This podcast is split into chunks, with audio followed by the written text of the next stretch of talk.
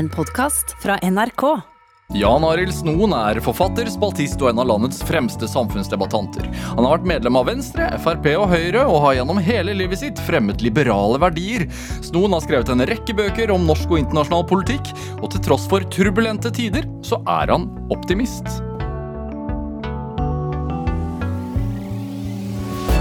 Dette er Drivkraft med Vegard Larsen i NRK P2. Jan Arild Snoen, velkommen til Drivkraft. Takk for det. Hvordan har du det? Jo, jeg har det vel bra, bortsett fra at det er november, altså. Og det er den verste måneden i året, men mm. Ja. Hva skal vi med den måneden, sa du da vi traff hverandre her. ja. Men Kan reise til utlandet, da? ja. Men er, altså, på den tiden av året så er det vanskelig å gjøre. Det er ofte mye å gjøre for de aller fleste. Så Derfor så er vi her, selv om det er mørkt og regner og ja. Du, altså, jeg, jeg sa i introen her at uh, du er optimist, sa jeg. Uh, men så har jeg lest deler av den nye boken din, eh, 'Europa uten USA'. Uh, og der det, Altså, det mulige fremtidsscenarioet du skisserer i den boka, det gjør i hvert fall meg engstelig.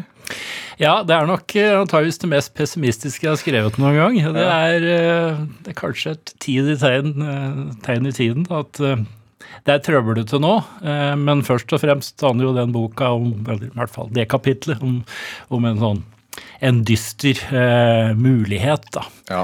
Når eh, Trump blir gjenvalgt og Le Pen blir president i Frankrike og sånne ting. ja, Og AFD vinner frem i Tyskland. AFD, eh, og vi kan få et skikkelig brudd mellom eh, USA og, og, og Europa. Og Norge er jo en del av Europa, så det berører jo oss også. Vi er veldig avhengig av, av USA. Ja.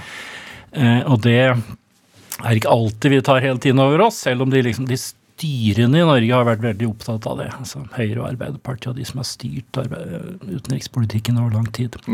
Men mange andre er ikke så opptatt av det, eh, og, og har kanskje mer da antiamerikanske holdninger, som også er et tema, eller et hovedtema i den siste boka. Ja, Det er en slags undertittel av boka også. Ja da, så det handler om det, og boka begynner der. altså Antiamerikanismens historie i Europa. Men eh, det er jo ikke bare historie, det er viktig i dag også. Og det som skjer, er jo at denne antiamerikanismen i Europa har aldri vært noe flertall. Det har alltid vært skeptiske holdninger til USA og amerikanere, og det kan det være god grunn til, men en sånn mer systematisk antiamerikanisme har vært unntaket. Men nå har vi da hatt en president for noen år siden, og vi kan få han tilbake igjen, som bekrefter alle våre eh, fordommer om USA, alle våre verste eh, instinkter og tanker om USA. Det bekrefter han. Eh, så det vil føre til en økt antiamerikanisme i, i Europa. Og hva fører det til? Ja, det kobles da til det som egentlig er verre, og det er at eh, USA eh, gidder ikke lenger å dra på Europa i samme måte, på samme måte som før. Og dette startet før um, Trump. Obama og hans forsvarsminister var jo også veldig opptatt av dette, at Europa måtte ta mer ansvar. Betale mer, betale mer i Nato, f.eks.? Ja, altså bruke mer penger på forsvar der USA i uforholdsmessig stor grad uh, står for vår sikkerhet. Og så har da Trump videreført det og går mye lenger. Han truer jo med å oppløse hele Nato. Det er ikke, det er ikke helt sånn umulig å tenke seg lenger. Eh, så dette kobles da sammen, kan du si. Altså USA, hvis Trump blir valgt, interessert i å trekke seg ut. Og Europa vil da um, samtidig være mer skeptisk til USA. Så det kan føre til et brudd. Jeg tror ikke det skjer, fordi det jeg da skisserer i dette siste kapitlet i den boka, er mer altså det er, det er en illustrasjon på worst case. Jeg tror ikke det skjer, fordi det er altså så sterke felles interesser fremdeles at jeg tror ikke det skjer. Men ehm, Men man skal, skal man ikke alltid ha eh, worst case scenario i bakhodet? Jo, absolutt. Og derfor så, så må vi være forberedt på at det, dette kan skje. Og dessuten så Det mer underliggende her, dette med at Europa må ta mer ansvar for sitt eget forsvar, det, det er et tema som ikke blir borte, uansett om eh, Trump vinner eller ikke. Eh, og vi ser jo nå det har vært veldig viktig i Ukraina-krigen. Jens Stoltenberg sa jo det for en tid tilbake, at hvis ikke USA hadde vært her, så hadde Ukraina falt. Så har europeerne blitt litt flinkere til å bruke penger eh, og støtte. Vi vet ikke hvor solid det er. Sammen med USA, der det er stor motstand mot å, å, fortsette å bruke veldig mye penger. Men jeg tror nok det er sunket inn, i hvert fall hos mange europeiske toppolitikere, at vi må klare oss mer sjøl. Mm. Men å omstille det, da, gjøre det om til faktisk bevilgninger og prioriteringer, det er ikke så lett. Det er mange som skal ha penger. Så, så altså min vanlige optimisme den ligger der som en grunnholdning. Jeg har alltid vært optimist sånn. Verden går framover stort sett, men det går i bølger og hakk og litt fram og tilbake. Ja, hvor er vi i bølgene nå? Er vi på toppen eller i bunnen? Nei, vi er ikke på toppen. Altså, altså, økonomisk sett så har vi jo aldri vært rikere og alt det der. Men, men, men eh, når det gjelder demokrati i verden f.eks., så hadde jo det en voldsom framgang etter at Sovjetunionen brøt sammen. og da, mm. da var det en veldig positiv bølge. Og så har det gått gradvis tilbake. Ikke til der vi var, og det er viktig å få med seg, for det er mange som liksom tror det, at det er eh, like ille, men det er det ikke. Eh, så det har fremdeles vært en positiv utvikling hvis vi ser over lang tid. Mm. Men vi er ikke på toppen på det. Og det er, det er masse trøbbel. Altså det, er, det er jo et par kriger. Eh, flere enn de to som vi er opptatt av, mm. egentlig. Ukraina og, og mellom Palestina og Israel. Men det er, det er kriger. Men de kommer med jevne mellomrom. Vi er ikke kvitt dem, selv om det er mindre enn det var på, hvis vi også har et litt lengre tidsperspektiv, så, så er det mange skjær i sjøen. Mm. Men, um, men, det underliggende, det som på en måte er det liberale, optimistiske synet på, på verden, det, det, har jeg fremdeles. Ja, men du, du, skriver jo også at den optimismen vi hadde på 90-tallet, den kommer aldri tilbake. Nei, altså Jeg vet ikke om jeg er så klar på det på, som det, men vi har den i hvert fall ikke nå. Eh, hva som skjer om 20 år, det er ikke så godt å, å vite. Men det var altså det, det, var jo det var jo viktig, det som skjedde når Sovjetunionen falt. Det hadde vært den store konflikten eh, siden, siden andre verdenskrig. Og så faller bare den ene rivalen bort. Mm. Og så har, som Fukuyama skrev, eh, og delvis mente, så, så hadde da det liberale demokratiet vunnet. Og så enkelt var det jo ikke. Det kunne vi jo vite da også, men, men, men det var en overoptimisme, får vi vel si. Eh, fordi det er, det er mye andre krefter som ikke blir borte. Mm. Og særlig nå de siste årene har vi fått mer oppmerksomhet på altså, betydningen av, av, identitet og sånne ting. Som jeg og mange andre kanskje ikke så betydningen av da. Det gjelder, altså, det, gjelder, det gjelder, innvandring, men det gjelder også mye annet. altså Nasjonalisme. Mm. Som nå, Nasjonalisme kommer i mange varianter, men nå, nå, er den i en mer sånn aggressiv, negativ form i mange land. Ja, også en slags Øh, altså Jeg hadde Åsa Lindeborg her, her i går, som, som jo er øh, samfunnsdebattant i Sverige. Hun snakket mm. jo om nykonservatismen som, som blomstrer frem. Ja, altså, konservativt Ja, du kan godt kalle det det. Altså, Nasjonalkonservativt pleier jeg å kalle det for, det, for det er denne spesielle den nasjonale biten av det, som da fort blir en oss mot dem, eh, mens liberalismen har, er mer inkluderende. Mm. Til av og til nesten grenser til det naive, eh, vil nok mange si. og jeg kan være, Du sa det sjøl, ja. ja. Jeg sa det sjøl, for jeg har nok også vært ja, Begynner å bli en gammel mann, så jeg har vært perioder der jeg kanskje har vært lagt for lite vekt på disse tingene. Når var du på ditt mest naive? Nei, altså, Da er vi nok på, på, på 80-tallet. Da jeg liksom er begynner i Unge Venstre, ikke sant. De er jo, de er jo snille og liberale eh, og naive. Eh, og så tok jeg vel med meg en god del av det over da jeg bytta parti til, eh, til, Frp. Det er et ganske langt sprang for mange, men for meg så var ikke det så veldig unaturlig. Det har alltid vært liberal, så det er, det er ulike varianter av dette. Men da var jeg nok eh, både for optimistisk og, og for lite opptatt av eh, av disse kreftene. Ikke det at jeg er for dem. Altså, jeg er fremdeles eh, veldig skeptisk til eh, nasjonalisme og sånne ting. Men jeg ser at det er viktig for folk, så det er ikke mulig å Og det er, det er lett å mobilisere rundt, mm. særlig når det butter. Og det eh, tror jeg mange, og jeg selv også, har undervurdert kraften i. Dette er Drivkraft med Vegard Larsen i NRK P2. Og i dag er forfatter og spaltist Jan Arild Snoen her hos meg i Drivkraft på NRK P2. Og så tilbake litt til boka di. altså det åpning, Helt i åpningen så skisserer du jo dette fremtidsscenarioet ved at Trump kommer til makten ved neste valg. Eh, støtten til Ukraina forsvinner fra USA. Eh, det blir en skyttergravkrig der. Og, og, og Russland vinner noen av de områdene eh, som de allerede har tatt. Eh, AFD kommer til makten i Tyskland og Le Pen vinner i Frankrike. Eh, og de da søker eh, et samarbeid med, med Russland. Ja, de, finner, de finner en ny sikkerhetsordning. Nå, ja. skriver jeg ikke at AFD kommer til makten, men jeg sier at AFD blir størst. Eh, ja. Sånn at de tvinger de andre partiene også til å dra i den retningen. Og det er også sånn at altså, Hvis USA er på vei ut av Europa, så, så er det så styrker det dem som vil ha en sånn sikkerhetsordning med eh, Russland. Og det har jo mange i Europa vært for tidligere også, særlig franskmennene, og ikke minst da eh, Le Pen eh, i Frankrike. Jeg tror ikke Le Pen blir eh, eh, fransk president, men hun har aldri vært nærmere enn nå. Og på de meningsmålingene vi ser, så er det bare én eh, som kan slå henne. Mm. Eh, og, og, det er ikke sikkert han stiller engang, eller får slippe fram. Så, så, det er en reell fare for at hun kan bli president, og det vil ha betydelig eh, virkning både for forholdet til USA, men også for EU og hele det europeiske samarbeidet. Mm. Hvilke utfordringer står vi overfor i forhold til den europeiske identiteten? da? Vi havner jo da i hvor vi har sett på oss selv som uh, uh, vesentlige.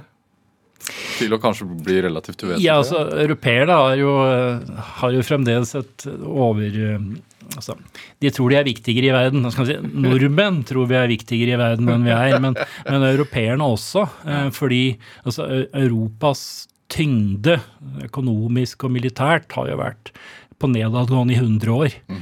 Det, det, er stadig vekk sånn snakk om at eh, USA er på toppen og da er går nedover. Det, det, har jeg hørt, det har jeg hørt siden 70-tallet. Når det gjelder USA, så er det ikke sant. Eh, USA har vært ganske stabile som den dominerende makten. Og så har det da vært utfordrere. Sovjetunionen, og så etter hvert så snakket vi om Japan som skulle ta over. liksom. Og EU skulle bli det store tyngdepunktet. Nå er det Kina, mm. noe jeg også skrev en bok om for et par år siden. Eh, mens USA er da fremdeles den klart dominerende eh, makten. Ikke så dominerende som den var etter at muren falt eh, men, på 90-tallet, men, men, fremdeles det dominerende. Mens Europa er egentlig i nedgang. Mm. Og etter hvert så vil også befolkningen krympe i Europa. Det begynner å skje allerede i noen land. Og så, så Europa må, må, kjenne sin egen styrke og svakhet. Og det tilsier også at den alliansen med USA er viktig. Men her er det altså det takes two to tango, så det er som sagt altså også avhengig av hva um, USA vil framover. Og, og, hvor reell er, altså hvor reell er uh, tankesettet altså i USA til at de ikke nødvendigvis trenger den alliansen lenger? Det har jo vært snakk om over lang tid en sånn uh, vridning over mot Asia, fordi det er Asia som er viktigere nå økonomisk. Mm. Europa er jo fremdeles viktig, det er ikke sånn at uh, vi har krympa og blitt helt borte. Men, men Asia er på oppgang og, og Europa på nedgang, sånn økonomisk sett. Og så er det jo også sånn at for et par generasjoner siden så var jo de aller fleste amerikanere de hadde liksom opphav i Europa. Men av de som, eh, som eh, kommer nå, mm -hmm. så kommer jo nesten ingen fra Europa. Og det begynner å bli ganske mange generasjoner eh, tilbake til denne nære tilknytning til eh, Europa. Så de, de, er på vei til å koble seg litt fra. På den annen side så er jo dette altså det er, det er gamle forbindelser. Det er, det er gammel Altså, det har vært nært lenge. Mm. Og, og, disse spådommene om at dette skal bryte opp, de er også gamle. Eh, og det er altså Nylig avdøde Geir Lundestad skrev om det eh, i en bok for 20 år siden. Eh, om dette at det liksom hele tiden har vært eh, trusler mot dette samarbeidet. Det har alltid vært eh, konflikter, og det har vært sånne bølger med antiamerikanisme. Men det har alltid liksom kommet ned eh, på, på beina. Men det er, det er 20 år siden Lundestad skrev det, og det, er, altså det skjer noe da, både i økonomien og også eh, befolkningens fokus i USA, som gjør at eh, en sånn frakobling er mer sannsynlig eh, enn før. Men altså det mest ekstreme kommer trolig ikke til å, å, å skje. Det er sånn du ikke skal si når du skal selge en bok, ikke sant? for da er det sånn, liksom, da skal det være sånn alarm og les dette, for da skjønner du hva som skjer. Men det er altså Det er en trussel, men det er ikke min um, spådom. Hvorfor ikke? Nei, fordi altså det er Vi har så mange felles interesser. Vi har fremdeles også mange felles verdier, som jeg også skriver en del om i den, den boka. Eh, fordi altså, her har jeg gått litt fram og tilbake. for altså, USA bygger jo på, på europeiske verdier. var jo ble kolonisert av europeere i begynnelsen. Og så har det også vært en betydelig kulturell påvirkning den andre veien. Og mye av det altså amerikanske demokratiet, eh, der var jo en pioner, og grunnloven og rettsstat og begrenset statsmakt og alt dette her, eh, har også klangbunn i Europa. Så det har gått fram og tilbake, og, og, og, og Europa og USA er nærmere hverandre i disse viktige spørsmålene enn andre kontinenter. Så, em, så vi, er ikke, vi er ikke ferdig med den perioden. Så er det interessant at vi eh, rent sånn sikkerhetspolitisk aldri har eh, følt at vi har vært mer avhengig enn kanskje akkurat nå. Nei, pga. Ukraina-krigen. Ja. Eh, fordi det var jo det Det har jo endret nå. Det har egentlig skjedd i to eh, faser. For det første, Ukraina-krigen er jo, den begynte jo i 2014. Det er lett å, å glemme nå. Mm. men det hadde også betydning for, eh, for, eh, for synet på forsvaret i, eh, den europeiske, europeiske biten av Nato. Da. Så det var etter det at eh, det faktisk kom da målsettinger om å øke forsvarsutgiftene, som i begrenset grad er oppfylt, riktignok, eh, men det kom på dagsorden, og så har det skjedd i noen land, og så kom da eh, denne storkrigen i, i 22, som har fått mer fart på det. Så nå, nå er det en utvikling i mange land. eh, Men andre henger etter. Tyskerne, der tar det tid. Mens polakkene eh, ruster opp eh, voldsomt. Og det er jo ikke så rart. Det er de som er next in line hvis Ukraina faller. De og de baltiske statene, som også bruker veldig mye på forsvar. Mens eh, andre europeiske land eh, så ikke denne trusselen. og ser den i mindre grad nå også, særlig hvis du går til Sør-Europa. Så, så ser de ikke på samme måte på dette. Så italienere og spanjoler og sånt, de er ikke så opptatt av, av å styrke forsvaret og gjøre seg uavhengig av USA, egentlig. Når startet ditt Altså, når ble du forelsket i USA? Det er jo riktig å kalle det en forelskelse. Ja, ja, du, ja Vi kan godt kalle det det.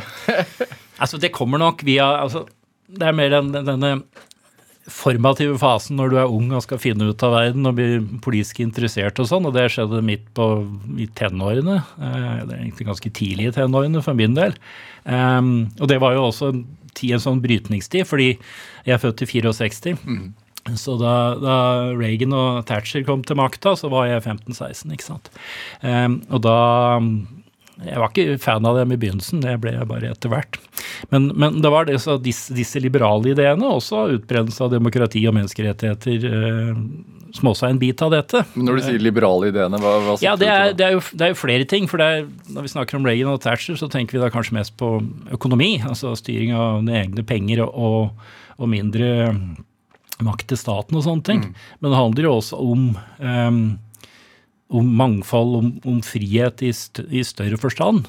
eh, Om menneskerettigheter. Altså, Hva snakker vi om da? en som kom litt senere, altså Jimmy Carter, var jo veldig opptatt av menneskerettigheter. Ja. Um, så, så det er en del av den liberale pakka. Men hva er, libera hva, altså, hva er liberale menneskerettigheter, sånn du ser det? Ja, altså det er, det er trosfrihet, ytringsfrihet, øh, ikke-diskriminering av altså, på grunnlag av kjønn og seksuell legning og sånne ting, eh, som er liberale ideer. Og så er det jo ikke sånn at disse partiene som kaller seg liberale eller sånn, ikke nødvendigvis har hele pakka, da.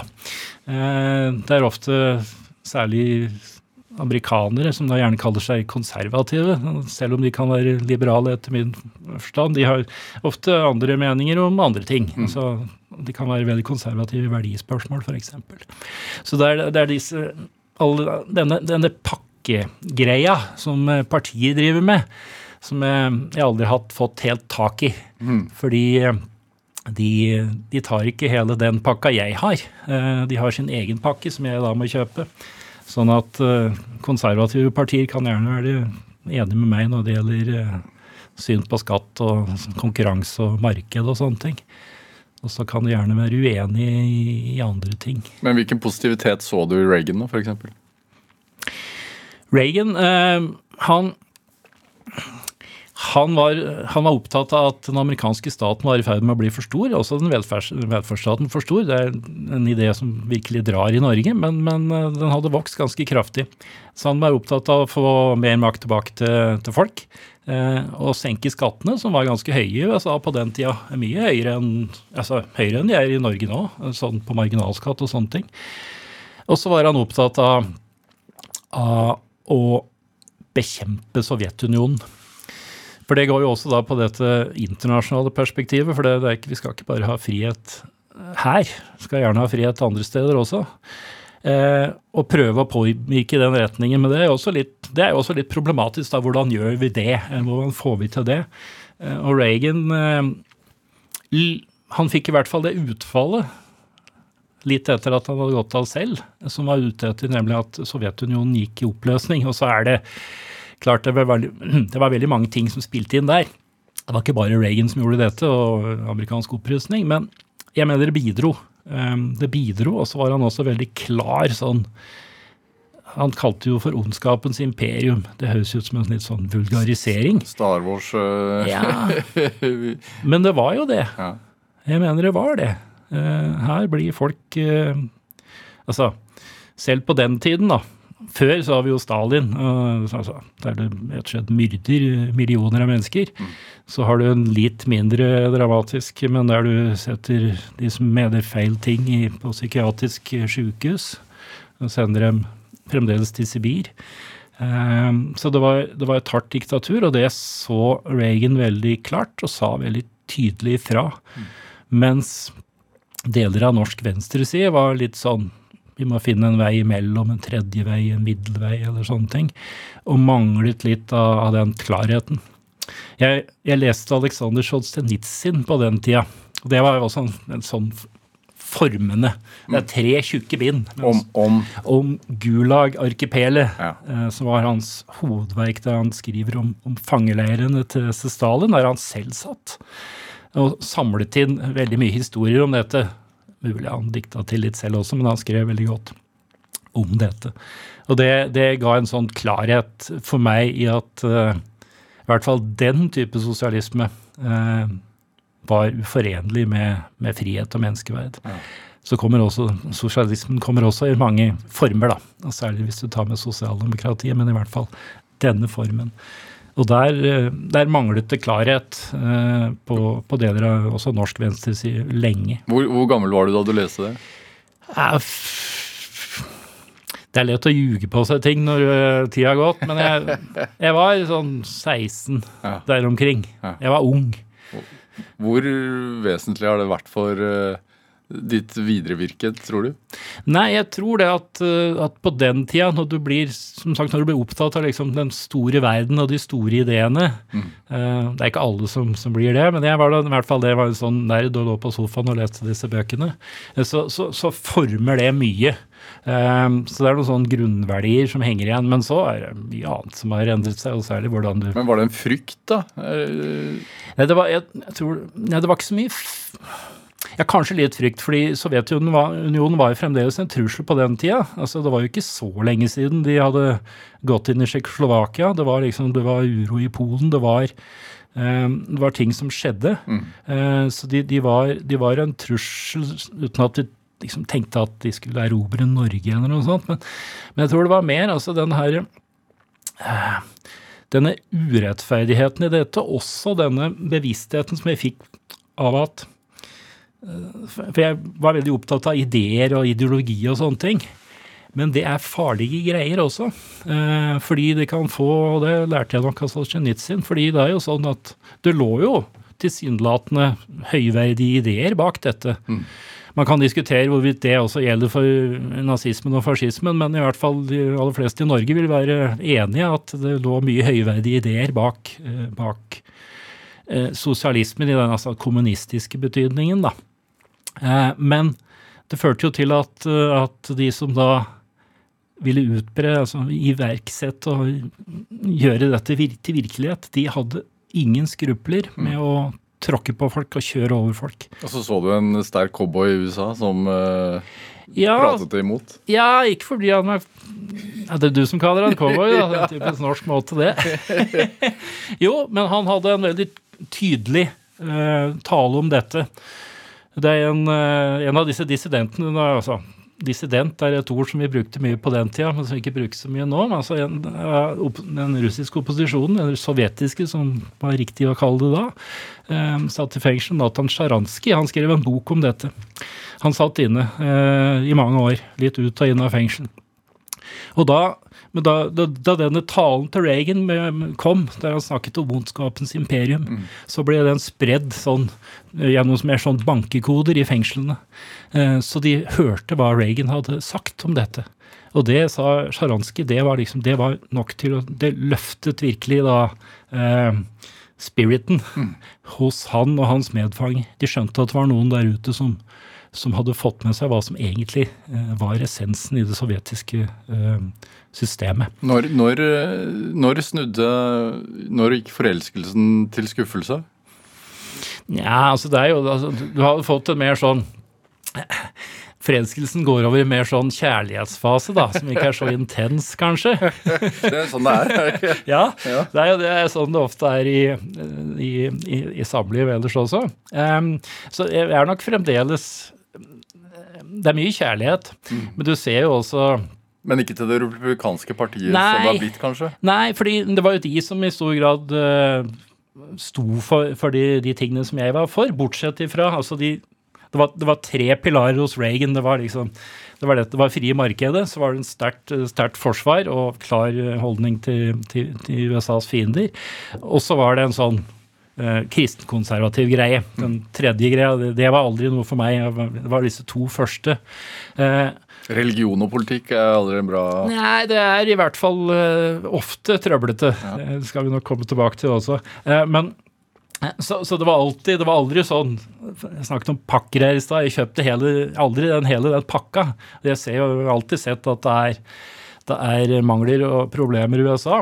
Selv om jeg kanskje ikke legger vekt på akkurat det samme som, som, eh, som nordmenn flest. Men, men eh, men så har jo da Det, store bruddet kom jo da eh, i, i 2015 og 2016, også da fordi jeg har vært ganske alene i Norge som kommentator med om å være positiv til det replikanske partiet. Jeg har egentlig støttet dem mer eller mindre siden, siden Reagan. Jeg syns Clinton var ok.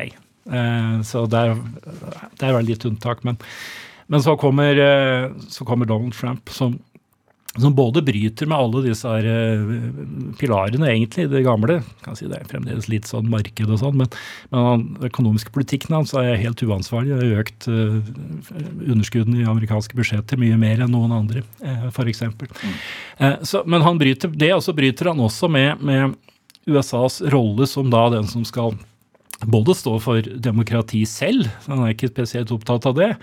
Han er i hvert fall ikke opptatt av at det skal være demokrati i andre land. Han elsker, eh, han elsker jo enhver diktator. Senest i, i natt holdt han jo en tale der han skrøt av Kim Jong-un, som han Trodde akkurat trodde tydeligvis var leder i Kina. Men eh, det går litt eh, Huet hans begynner også å bli gammelt. Men, men det var i hvert fall det er et brudd, ikke bare i, i stil, men også et brudd i politikk. Og så er han da Han er en trussel mot denne, denne amerikanske orden, den liberale verdensorden som vi kaller det, eller Pax Americana, den amerikanske freden som vi også kan kalle det. Han er en trussel mot den som har tjent særlig Europa, men også store deler av Asia andre deler av verden, har tjent eh, oss godt siden andre verdenskrig. Han er en trussel mot den fordi han er ikke opptatt av det. Han er opptatt av en veldig snever tolkning av USAs egne interesser. En så snever at den egentlig ikke er i USAs interesse, sånn jeg mener. Men, men eh, han eh, ha, Og det betyr også at jeg måtte tenke litt igjennom eh, mitt syn på USA og amerikanerne generelt. Så, det, så denne boka nå jeg har skrevet om antiamerikanisme, er kanskje litt mer forståelsesfull overfor fenomenet enn ville vært før Trump. Nettopp fordi han da han legemliggjør så mye av det som er gærent med USA, og det som var delvis korrekt, men også delvis fordommer i, i Europa. Han haker av på alle de punktene. Og når det da er sånn at amerikanerne ikke bare har valgt han én gang, men kan komme til å gjøre det igjen, mm. så er jo det grunn til å spørre hvorfor er det sånn. Så du gir egentlig de meningsmotstanderne dine som har hatt en slags sånn ikke, ikke et, ja, Kanskje et hat er et sterkt ord, men som har mislikt USA litt rett? Nja, jeg vil ikke gå så langt. Men det jeg vil si, er at, at uh, det er um, At det alltid har vært krefter i USA som, som har vært negative, og som, som, har vært i samsvar med disse, uh, disse fordommene. Mm. Um, jeg trodde de var svakere enn de viste seg å være da Trump kom. Mm. Um, og så vet vi ikke om det er noe permanent, om dette har endret seg sånn og alltid kommer til å være sånn, eller om dette er et sånn fenomen som er veldig knyttet til hans person. Jeg tror at personer er viktige i politikken. Um, ikke bare det, det er mye annet underliggende, selvsagt, men at, at, jeg tror ikke noen andre kunne ha gjort dette. Uh, og da blir også spørsmålet når han er borte Han er jo en gammel mann. Hva skjer da? Kan vi komme tilbake til et mer normalt USA? Da har vi et mer normalt USA nå, når Biden styrer, men det er ikke stabilt, da. Nei. Jan Erlis Noen, vi skal spille litt musikk. Du har med en uh, iransk sang. Ja. Uh, Baraye av Shervin Hajipour. Hvorfor det? Ja, jeg kom over den, den, den, ble spilt ganske mye, særlig i fjor, også litt nå. Det, dette er en sang som, som, er knyttet til massedemonstrasjonen i Iran mot uh, det vi kaller prestestyret der. Mm. Uh, etter at regimet drepte um, hun som het Masha Amini i, fjor. Og der har det vært Det er et voldsomt ønske, og sånn har det vært lenge i Iran, om å bli kvitt dette undertrykkende styret. Og de er, veldig mange av dem er egentlig De er jo ikke antiamerikanere. De ser på USA som en, som en, mer positiv mulighet, selv om det er mye iransk historie og, og USAs innblanding der som ikke er bra. Men det handler for så vidt ikke så mye om det. Men det handler om, det handler om denne, denne lengselen etter, etter frihet. Eh, til mange dimensjoner. Her er det jo Det handler om det handler om dyr, løshundene som blir skutt. Det handler om parkene som blir rasert. Det handler om ikke minst kvinners rettigheter. Det handler om de afghanske flyktningene som ikke blir ordentlig behandlet. Dette er en lang liste. Men det er først og fremst dette er en sånn, og du hører det, jeg kan jo ikke et ord eh, farsi, og det er vel veldig få av de som hører på som gjør det også, men, men du kan likevel kjenne igjen denne lengselen. Mm. Og så avslutter han da, helt på slutten, så sier han 'baraje asadi', som betyr 'for frihet'.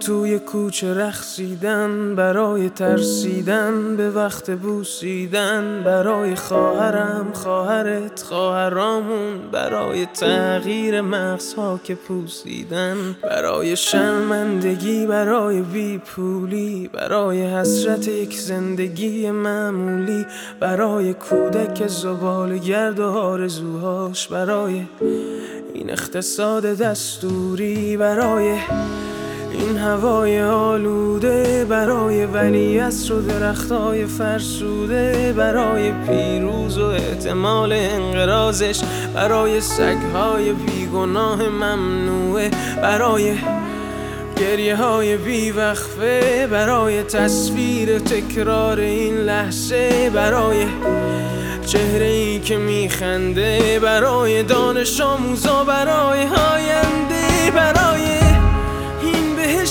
دشواری برای نخبه های زندانی برای کودکان افغانی برای این همه برای غیر تکراری برای این همه شعارهای تو خالی برای آوار خونه های پوشالی برای احساس آرامش برای خورشید پس از شبای طولانی. برای غرصای حساب و بیخوابی برای مرد میهن آبادی برای دختری که آرزو داشت پسر بود برای زن زندگی آزادی.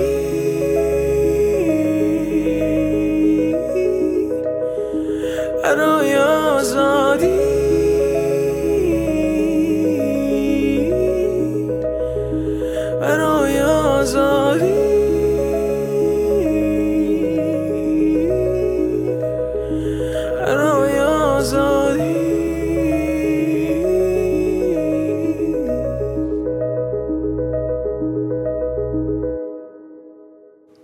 Ja, Du fikk eh, Shervin Hajipour med Baraji her i Drivkraft på NRK P2. Valgt av dagens gjest eh, her i Drivkraft, nemlig forfatter og spaltist Jan Arild Snoen.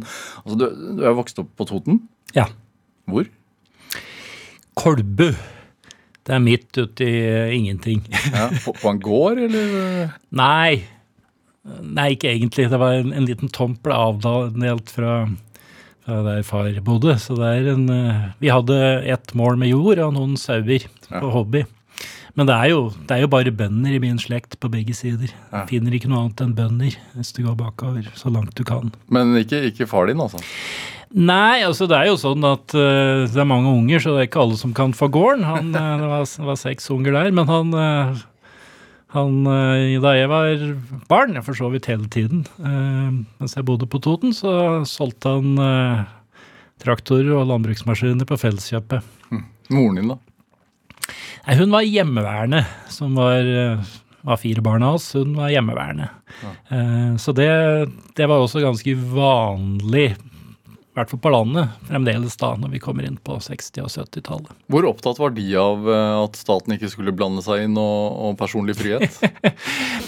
Eh, Far min var aktiv KrF-politiker. Eh, Han satt i formannskapet i Østre Toten kommune for KrF. Eh, Så vi var ikke helt enige om alt. Særlig ikke da jeg begynte å skrive i avisene om, eh, om eh, fri hasj og sånne ting. Eh, Jeg tror til og med jeg skrev litt om, eh, om at porno skulle være mm, lovlig.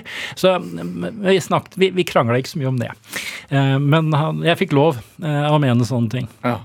Eh, Hvorfor var det takhøyde for det? Jeg tror det har noe med at jeg var den eh, minste av fire barn. De, de, de var slitne av barneoppdragelse. Jeg, tror, jeg vet ikke om det er noen av mine søsken som hører på dette nå, men jeg, jeg tror nok det hadde noe med det å gjøre, ja. Ja. At det var en del kamper som var, eh, var tatt. eh, Og at toleransen var, var større. Og så hadde det nok også med, noe med at de skjønte at det var litt sånn ufarlig Dette var sånn ufarlig teori. For jeg lå jo på sofaen, ikke sant, eh, og, og leste bøker. Mm. og, og smakte ikke alkohol, og hvis noen hadde bytt meg en joint, eh, så hadde de ikke skjønt hva det var, ikke sant. Så, så de så ikke dette som Altså det med med hasjen, da, som for så vidt har vært et tema, jeg skrev en bok om det i i fjor. Eh, det var ikke, Jeg oppfattet det ikke som noe, noe trussel, egentlig. Jeg kunne mene ting uten at det var farlig. Ja. Fordi jeg ikke gjorde det som jeg sa, det har sagt. Det var eh, relativt mildt ungdomsopprør ved at du var spaltist i ung alder. Ja, jeg var ikke spaltist, da, jeg skal Nei, ikke men på med det, men jeg, skrev- jeg, skrev del, jeg skrev en del leserinnlegg til lokalavisene.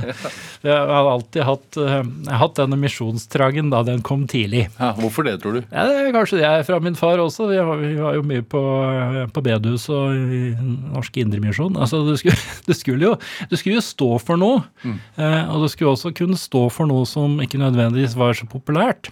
Eh, så det lærte jeg nok eh, av min far, selv om det var jo litt annerledes da, fordi eh, kristendommen sto fremdeles sterkt.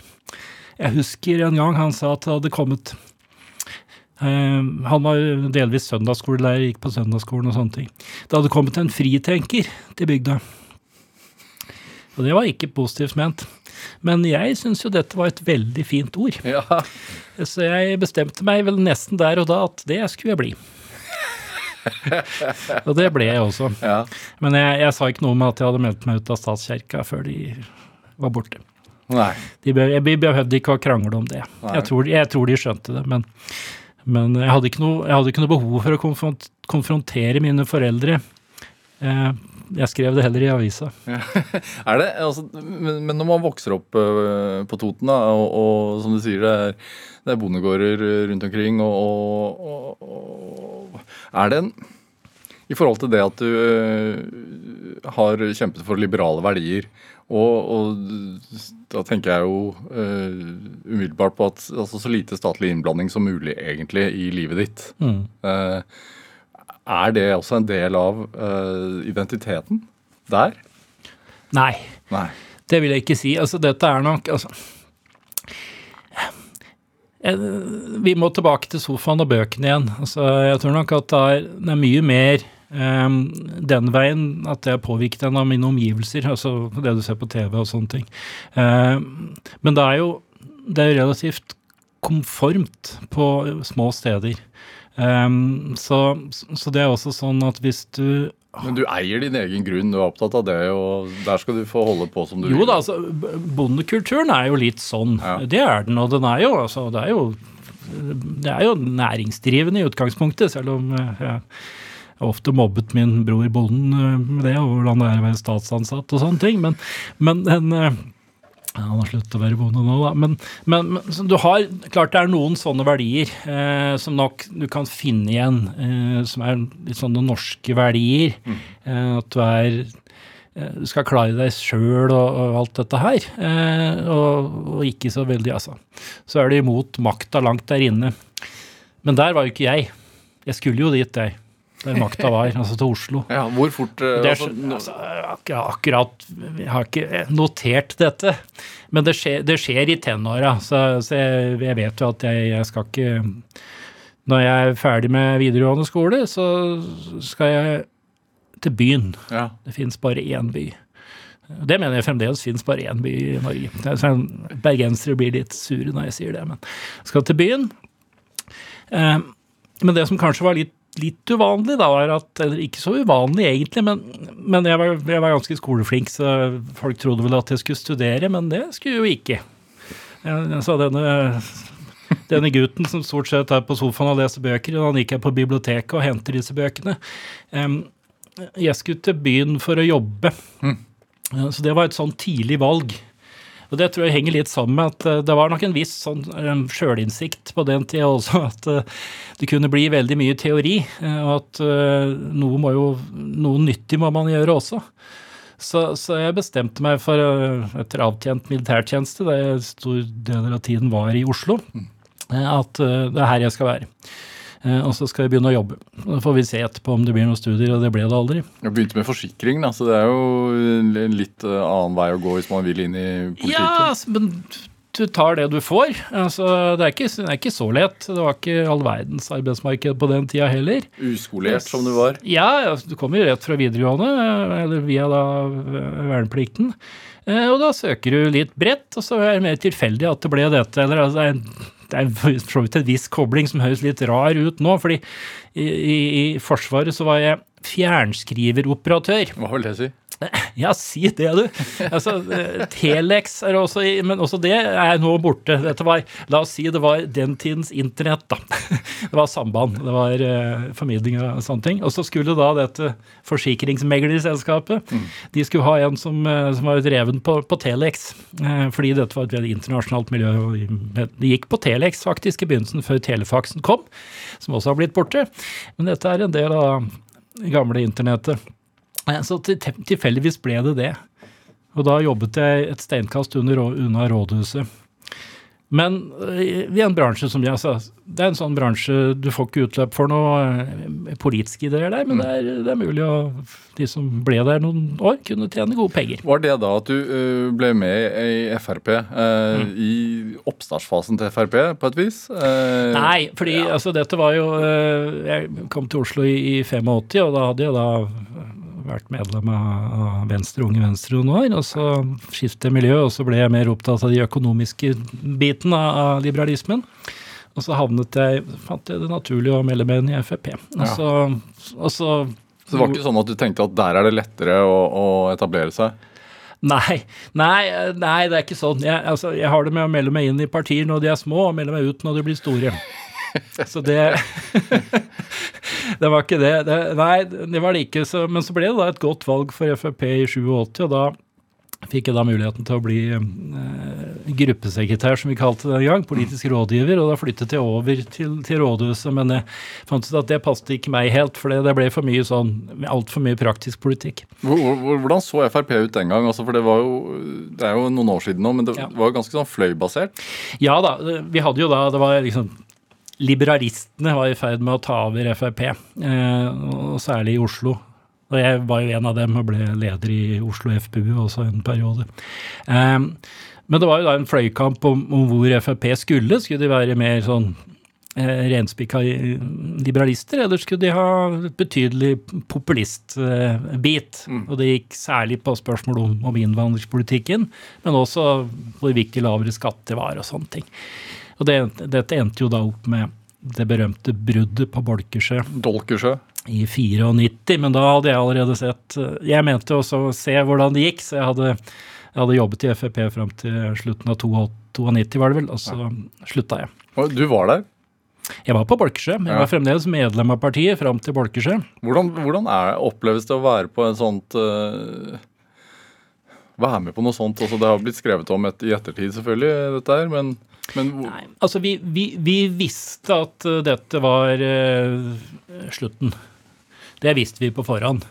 Uh, det lå i kortene, for det hadde vært en lang prosess. og vi, vi hadde tapt den prosessen, vi som var på den liberalistiske sida. Vi hadde tapt den, ikke så stort. I Oslo tror jeg det var to-tre stemmer forskjell. forskjell. Um, men vi visste det, men så var vi nok ikke helt forberedt på hvor, um, hvor mye eh, følelser det var i det oppgjøret som kom, særlig fra de andre. Jeg husker Eli Hagen sto bak i salen og vevet på armene og var veldig engasjert, for å si det sånn. Eh, Men eh, de ble jo kvitt oss, da. Vi meldte oss ut. Så er det mange som sier at dere blir kasta ut. Ja, altså, Det er mer sånn spørsmål om altså, Hadde vi ikke meldt oss ut, så hadde vi kanskje blitt kasta ut. Vi hadde nok det, Men eh, det var, det var et brudd, fordi eh, det var en lang prosess der, eh, der det var et veivalg, og de ville ikke gå i en annen retning. hvordan ville Frp sett ut i dag hvis det, det hadde blitt motsatt? Det er ikke godt å ja, Det er vanskelig å svare på akkurat det, men det var jo en mellomperiode her. For etter at vi gikk ut, eh, så ble det jo et eh, Det styrket da den skal vi si, den ekstreme fløya på den andre siden, de som bare var opptatt av innvandring. Så derfor så fikk du De tok over da eh, mange steder, bl.a. i Oslo. Og så fikk du da et en ny, nytt oppgjør i partiet rundt årtusenskiftet, der de ble renska ut. Og de ble stort sett ekskludert, så det var en annen prosess, da. Så, så vi kan jo lure på også, og derfor så ble da partiet litt mer moderat igjen, for de hadde blitt kvitt liksom kranglefanter på begge sider, og så kunne de da etter hvert da Carl I. Hagen gikk av og Siv Jensen tok over, så, så kunne de da liksom gå inn i regjeringssamarbeid og bli Søke makten? Ja, så det er jo en del av de som, som var Noen av de som, som gikk ut den gangen, som er tilbake og stemmer Frp nå. Og så har du vært medlem av Høyre etter det? Jeg er medlem av Høyre i mange år, Ja. eh, men, men ikke, ikke med noe særlig altså Ikke verv, jeg satt under utvalg og sånn, men jeg var ikke så aktiv der. Har du vært ambisjonsdrevet? Nei, i så fall så har jeg vært ganske dum. Fordi jeg er jo liksom Som sagt, jeg melder meg stort sett inn i tapende partier og ut av vinnende, og, og, og har, vel, har vel ikke akkurat gjort så mye for å innynde meg hos partiledelse og sånne ting noen steder. Jeg har vært antageligvis i overkant kranglete også. Ja, men, så ikke, ikke den type ambisjoner. Altså, jeg Ikke når det gjelder posisjoner og inntekt og sånne ting. Det jeg er opptatt av, er å liksom, få rom til å, til å forstå og formidle og mene og prøve å forandre. Mm. De tre f-ene? Mine tre f-er, ja. Ja. Som jeg har skrevet litt om. Jeg skal skrive litt mer om det nå, tenkte jeg. Fordi det er Jeg tror nok det er når det går på Dette handler om drivkrefter og motivasjon. Så er det Det er disse det er sammenhengen mellom disse tingene også. Eh, fordi forstå, altså da går vi tilbake til gutten på sofaen igjen, altså prøve å finne ut av ting. Forstå verden. Og, og kanskje mer den store, abstrakte verden langt der ute. Fordi det var ikke så mye altså, konflikter var ikke så mye Det skjedde ikke så mye spennende på Toten, for å si det sånn. Så, så det ble, var den store verden som jeg ønsket å forstå. Derfor er det fremdeles sånn at jeg skriver mye om utenrikspolitikk og disse store geopolitiske tingene. Mm. Eh, og så kommer da den der formidlingsgreia som jeg er mer på nå, altså å skrive, snakke. Skrevet fire bøker på de siste fire årene, så det går jo. en bok i året, året nå, eh, og før det så skrev jeg 150-200 artikler i året. Så det er altså, og så er det forandringsbiten som går på det politiske. Ja. Eh, som jeg nok Ambisjonsnivået der har gått betydelig nedover. Og det er også fordi jeg, innser at jeg, eh, jeg er nok sånn som av legning tiltrukket av de tapte saker, altså mindretallsposisjoner. Ja.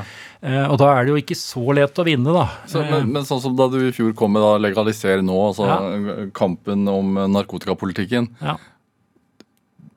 Det er jo da en forandringsambisjon. Men, men, men ser du også på det da som en tapt uh, sak? Nei, altså den har jo vært altså, Dette skrev jeg om som sagt på begynnelsen av 80-tallet i lokalavisene, så jeg har vært engasjert lenge. Mm. Og, og på 90-tallet var vi opptatt av dette i Frp. Da Jette Bolkesjø, kona mi Ellen Kristiansen, var av de fire på Stortinget som, som gikk ut. Og hun la fram forslag om å utlede, utrede legalisering av, av narkotika eh, i, i 94. Eh, et forslag som fikk to stemmer. Eh, men, men det har jo skjedd noe etter det. Så her går det da faktisk en av de få områdene der det går, går mot seier. Men, men det går jo veldig sakte. Mm. Og det var like før at det ble avkriminalisering, som jo er et eh, stykke på vei. Eh, Og det kan skje om noen år. Eh, Så det er av de På den min veldig korte liste over saker som delvis er vunnet og kan vinnes. Men hvorfor har det fulgt deg? Hvorfor er det så, har det ligget i bakhodet og vært viktig for deg hele veien? Jeg tror det har noe med altså, denne her opptattheten av, av frihet ikke bare denne friheten over egne penger, som er sånn typisk høyresidefrihet. Altså, når jeg skal være slem med Høyre, så sier jeg at det, det de er opptatt av, det er, det er lommeboka si. Men, men så er det da også viser seg at Høyre er opptatt av mer enn det, for det var jo de som gikk i spissen her, og ikke Arbeiderpartiet på dette. Fordi det handler om friheten til å være, gjøre andre ting, eh, og velge andre veier i livet enn det det mm, flertallet bestemmer. Og det er denne åpenbare, for meg åpenbare forskjellsbehandlingen av, av rusmidler som ikke er basert på rusmiddelets egenskaper, men det er basert på hvem som bruker rusmiddelet. Så det, det går også veldig inn på det som er min altså rettferdighetssans. da. Så Derfor så har det fulgt meg. Det er jo ikke sånn at jeg har brukt 45 år til å skrive og mene bare om dette. Det har jo gått i perioder, ikke sant. Sånn at etter det i, på, på midten av 90-tallet så, så skrev jeg ikke så mye om det før jeg da tenkte at nå, nå skal jeg bruke mine, mine siste gode år, for å si det sånn, til, å- gå dypt inn i ting igjen. eh, og så å formidle det, men også da av og til prøve å forandre. Så da blir det. Så det, av de fire bøkene jeg har skrevet, så er det som er den tydeligste av forandringsboka. Eh, og jeg tror at jeg kommer til å vinne, men muligens ikke før jeg er dau. Det har jeg ikke så mye glede av, kan du si, men det er jo for så vidt det er ikke derfor jeg holder på med dette. Men det er, det er for å forandre altså, jeg si litt banalt, da. eh, gjøre samfunnet bedre. For det tror du det vil bli? Ja, det tror jeg. Men det er jo ikke sånn at jeg tror at det vil være, bli perfekt, eller at dette er en perfekt løsning, og at alle problemer blir borte. og Det skriver jeg ganske tydelig i boka også. Men det, er, det vil være bedre for brukerne, og det er, tror jeg de aller fleste kan være enig i. Og så mener jeg også at det vil være bedre for samfunnet rundt. Og det kan man være enig eller uenig i, men jeg bruker da et par hundre sider for å argumentere for det. Og nå står jo den boka da i norske biblioteker, så, så kanskje om noen år så er det en eller eh, pjokk som eh, plukker opp den boka og legger seg på sofaen. I den grad pjokker eh, leser bøker nå, men vi får få den digitalisert. Ja. Eh, Så kanskje det vil påvirke noen lenger fram i tid. ja. Hvorfor er det vesentlig for deg, altså, eller sånn viktig for deg, at du, at du er med på å påvirke? Ja, det er jo det at at ikke alt skal være Altså, innsikt og forstå er viktig i seg selv, det er ikke det. Mm. Men, eh, men jeg har jo fremdeles ambisjoner om å bidra til at verden blir et hakk bedre, da. Selv om jeg, altså, de store ambisjonene som sagt er nok lagt til side og erstattet av mer de små, de mindre tingene. Og dette er en mindre ting, altså det med, med, med ruslovgivningen. den er ikke mindre for den de, de virkelig angår, men i den store sammenhengen så er det en mindre ting. Men, men viktig nok. Så det er menneskeverd, da? Ja, det handler jo om det. Det handler om at, uh, at det er veldig mange Altså De aller fleste som ruser seg på ulovlige rusmidler, fikser livet sitt uh, bra. Eh, og så er det en del som ikke gjør det. Mm. Og det har veldig mye med andre ting enn selve bruken av rus å gjøre. Det, det begynner et annet sted. De aller fleste som har rusproblemer, de, de har problemer som, som blir forsterket av bruken av rusmidler, men også forsterket av at dette er ulovlig. Mm. At de må gå til kriminelle for å få det de vil ha, osv. Ja, sånn, en time går veldig fort eh, med deg i studio. Hva, hva er drivkraften din? Nei, jeg tror er, Det er disse fire, disse tre F-ene. altså, altså der Etter hvert så er det mer og mer tilbake til å forstå. Altså tilbake til sofaen. Ja. Fordi denne forandringsdrivkraften, den er der fremdeles. Vi har akkurat snakket om det. Men, men eh, ambisjonene er ikke så store. Føler du at du forstår mer eller mindre jo eldre du blir? Jeg forstår mer, men jeg blir også mer opptatt av, bevisst på at det er så lite, det er lite jeg forstår. Og det er jo tilbake til Sokrates, er det vel. Ja, Jan Arild Snoen, tusen, tusen takk for at du kom til Drivkraft. Hør eh, flere samtaler i Drivkraft på nrk.no eller i appen NRK Radio. Send oss ris eller ros og også tips til mennesker som du mener har drivkraft. Send en e-posten til drivkraft.krøllalfa.nrk.no. Vi hører veldig gjerne fra deg. Produsent i dag det var Olav Tessem Widsvang. Men dette, dette var Drivkraft. Jeg heter eh, Vega Larsen. Vi høres. En podkast fra NRK. Har du også sett TV-serien Makta og sitter med noen spørsmål? Det har i hvert fall jeg. Jeg heter Torkil Risan og lager podkasten Seriesnakk. Her får jeg serieskaperne og skuespillerne i serien til å ta det med bak i kulissene, men også dem som faktisk var der da det skjedde, til å fortelle sine historier. Og lurer du på noen ting, så kan du stille spørsmål til de involverte i appen NRK Radio. Hør Seriesnakk i appen NRK Radio.